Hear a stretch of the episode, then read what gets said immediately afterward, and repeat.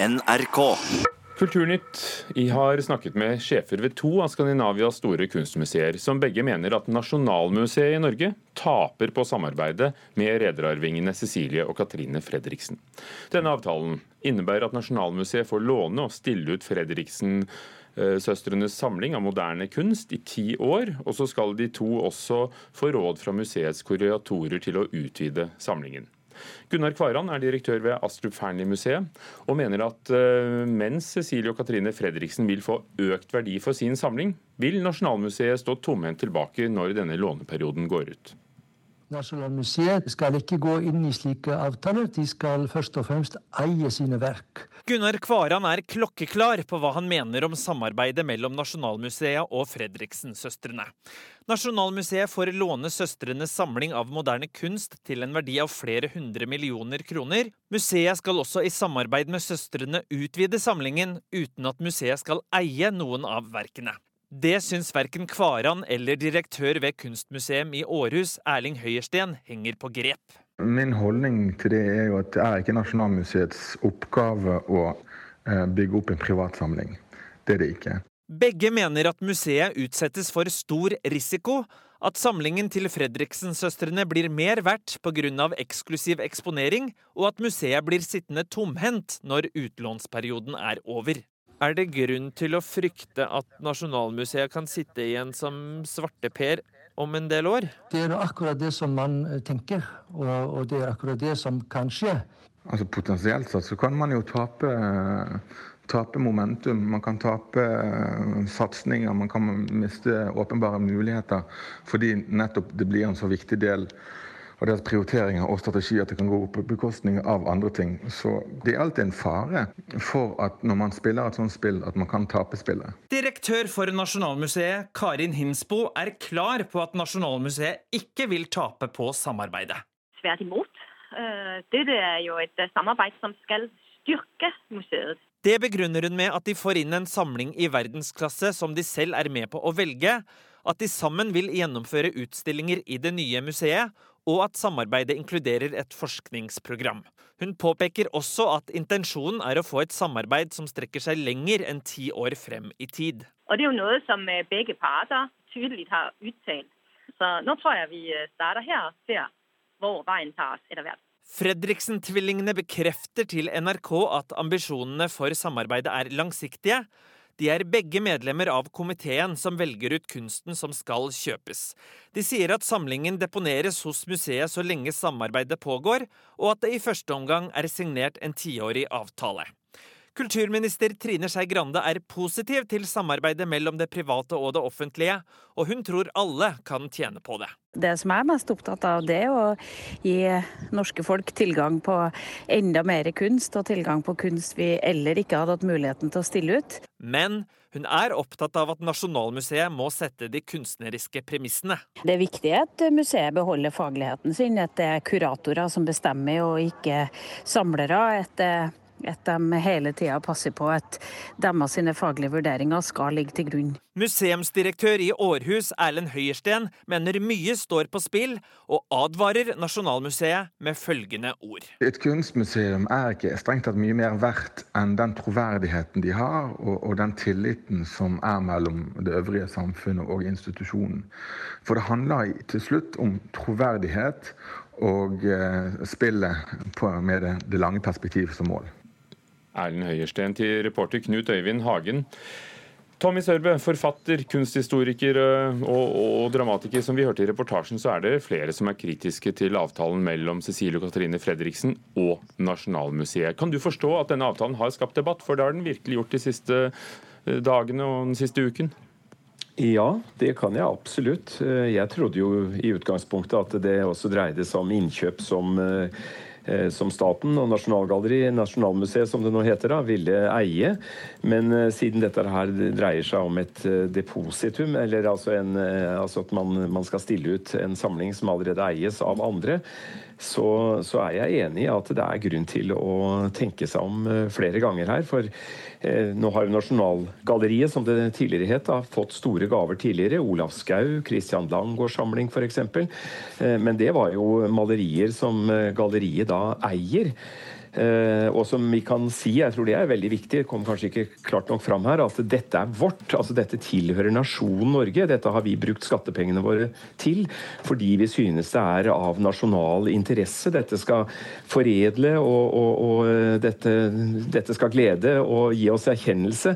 Mens når vi nå kommer inn i dette rommet, så vet vi at dette er en privat samling som eies av to personer som er ganske eksponert i det offentlige, og som er som da er, har, har, tjent penger på, på, olje, for å si det på den måten. Og, og, og, og Tommy Sørbø, det er jo da en avtale som gjør at vi vanlige folk kan få glede av internasjonal kunst som Nasjonalmuseet aldri i verden ville hatt råd til å kjøpe inn med sitt knappe budsjett.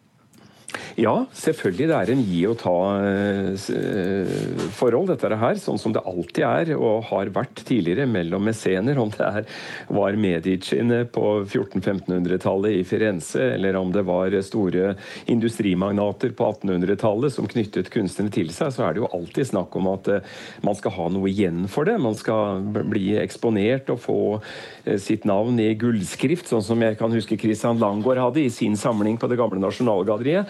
Eh, men, men, det spørs om ikke det her er litt vel i overkant på eh, giverens eller, eh, eller disse privatpersonenes interesse. Da. Så hva vil du da si, Sørve, til Dagens Næringslivs lederartikkel? Kritikken av Fredriksen-søstrenes utlån til Nasjonalmuseet er gammeldags og surmaget. Takk for kunnskapen, Katrine og Cecilie Fredriksen. Ja, Da vil jeg spørre hvilken gave? Er ikke dette her en kontrakt basert på en gjensidig forhold med, hvor det dreier seg om at man kjøper god eh, reklame? Eh, for til gjengjeld å gi noe som skal stå der i ti år, kanskje lengre, det vet vi ikke. Så eh, jeg synes dette her er litt betenkelig. Det må slutte meg da til den kritikken som er kommet fram ellers her. Men hvis du har sans for Medici-familiens eh, velgjørenhet den gangen, hvordan kunne du sett for deg at denne avtalen da, mellom oss, Norge og, og to ivrige samlere som har lyst til å bidra, burde vært for at du skulle vært fornøyd? Nei, altså Jeg, jeg syns det er fantastisk at uh, rike privatpersoner samler på kunst og knytter kunstnere og, og kunstmiljøet til seg. Men altså man kunne jo gjort sånn som Henny Onstad, Petter Olsen, eh, Kristen Sveås, Ringnes, Astrup. altså Det er mange Lage sitt eget museum, det er det du mener? Som lager rett og slett sitt eget museum, når man har anledning til det. Det ville vært en mer renhårig eh, situasjon, istedenfor å blande det, eh, det offentlige inn i dette her og gi det en aksept på den måten, og være med på å bygge opp en privat kunstsamling. Så du har ikke tiltro til at Nasjonalmuseet vil forvalte sitt pund godt, og, og, og, ikke minst Fredriksens eh, pund godt, når de da går inn og trer inn og, og kuraterer og får lovende kunstnere? Jo, jeg tviler ikke på at de eh, vil bruke sin kunstfaglige eh, kompetanse på en god måte. Men det er liksom selve utgangspunktet her, det som ligger i bunn. Og det var snakk om troverdighet her. Eh, altså, dette er personer som er såpass eksponert i det offentlige. Og jeg forstår dette skal jo være en sal som skal oppkalles etter eh, givernes eh, Eller eh, den ene avtalens da, mor.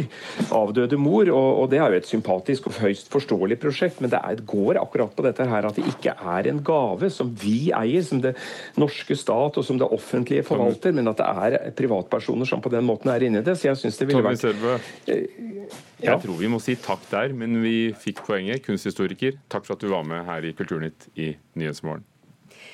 Anders Jares kulturpris går i år til tre forfattere. Tor Åge Bringsvær, Herbjørg Wassmo og Lars Saabye Christensen. Forfatterne har i over 40 år vært med på å prege vårt eh, skjønnlitterære landskap og har nådd ut internasjonalt. En eh, fellesnemner for forfatterskapet er at de har en eh, grunnleggende humanistisk undertone, heter det fra juryen. Det samla prisbeløpet er på halvannen million kroner. Det gjør prisen til Norges største kulturpris. Det gikk som en eh, farsott over hele verden, historien om klokkeløse Sommerøy, eh, øya utenfor Tromsø, som da visstnok angivelig skulle kaste klokken for å redusere stress. Og Så viser det seg at det hele var et PR-stunt fra Innovasjon Norge. Og, de, de, som viderebrakte dette her, var alt fra The Guardian til The Independent, CNN, kanadisk radio, The Spiegel i Tyskland. 1,22 milliarder mennesker har visstnok uh, fått øye på denne artikkelen og historien. Førstelektor i retorikk ved Høgskolen Kristiania, Kjell Terje Ringdal. Uh, Var dette et vellykket stunt, som du ser det? Ja, det må man jo si. Jeg leste um, saken selv jeg, og, og, tenkte du verden, det var jo interessant. Sikkert ikke så lett å gjennomføre, men jeg gikk på limpinnen og syntes at det er kjempeinteressant. Og det var en morsom sak for å sette Sommerøy og, og norsk turisme på dagsordenen. Men du trodde på det, altså? Fordi ja. du som er en kløpper på retorikk, vil du ikke si at en bjelle burde ringt at dette er typisk sånn digital markedsføringsstunt? Absolutt, det burde jeg ha tenkt. Men eh, jeg syns likevel at det var så, så sprøtt eh, og så kilent. Altså hele, hele, prosjektet da jeg leste det, var sånn tenkte dette går jo ikke. Eh, det er jo umulig å gjennomføre, men likevel så var det så deilig og så vilt tenkt. Men jeg gikk rett på den, og desto morsommere er det da at noen har tenkt at det også var planen, å lure meg og noen millioner andre. Så jeg syns det var en veldig fin idé fra Innovasjon Norge. Ja, Er det en fin idé når du da forteller en historie som ja, er usann? Ja, Det er jo er flere måter å fortolke virkeligheten på. Det er klart Vi skal jo ikke bedrive bløff og løgnaktigheter. Men det å tulle litt og spøke litt og sette ting på, på spissen, det tror jeg de fleste tåler i en alvorlig verden og en alvorlig tid. The Guardian siterer riktignok i sin artikkel eh, en representant for reiselivet som sier at han mistenker at det er et PR-stunt, kanskje han til og med visste det. Men hva sier det om journalister og journalistikken når ledende titler over hele verden viderebringer denne historien ja. uten å ha tatt en telefon til ordføreren eller hvem det skulle være? Ja, noen vil kanskje tenke at vi burde ha tatt uh, den telefonen. Uh, og vi kan jo ikke holde på å drive og lure hverandre hele tiden. Men av og til så er det morsomt, og av og til så er det gøy når man finner den rette ideen og klarer å få folk og medier til å, til å referere saken. Så, så, jeg mener at uh, Innovasjon Norge og journalistikken fortsatt har god grunn til å være fornøyd med seg selv. For du kan jo si at du kunne ikke kjøpt denne eksponeringen for en halv million kroner eh, på redaksjonell plass eh, alle disse stedene. Men hva er budskapet? Altså, hva, hva, hva sitter folk igjen med som har lest denne artikkelen? Og vil de få det innfridd når de kommer til sommeren? Ja, altså jeg tror nok at eh, eller det Innovasjon Norge ville og vil, er jo å få oppmerksomhet om Norge som turistland. De vil uh, sette fokus på hva som er spesielt med Norge. Og da kan man kanskje si at eh, Nord-Norge, naturen, eh, de lyse sommernettene osv.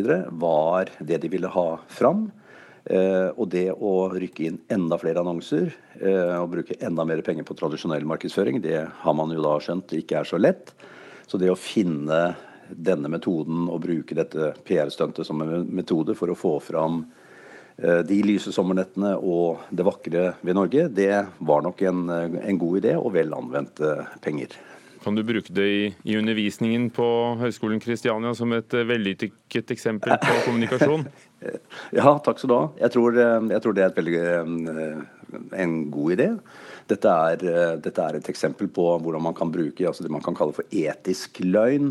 Altså Noen ganger når saken er god og viktig nok, så kan man bruke litt utradisjonelle metoder. Og det tror jeg dette er et godt eksempel på, så jeg bruker det gjerne, gjerne i undervisningen. Så studentene kan forberede seg på at nå skal vi dypdykke ned i, i hva dette var, og hvorfor de gjorde det, og hvilken effekt det hadde. En løgn, men en etisk løgn. Takk skal du ha, Kjell Terje Ringdal. I like måte.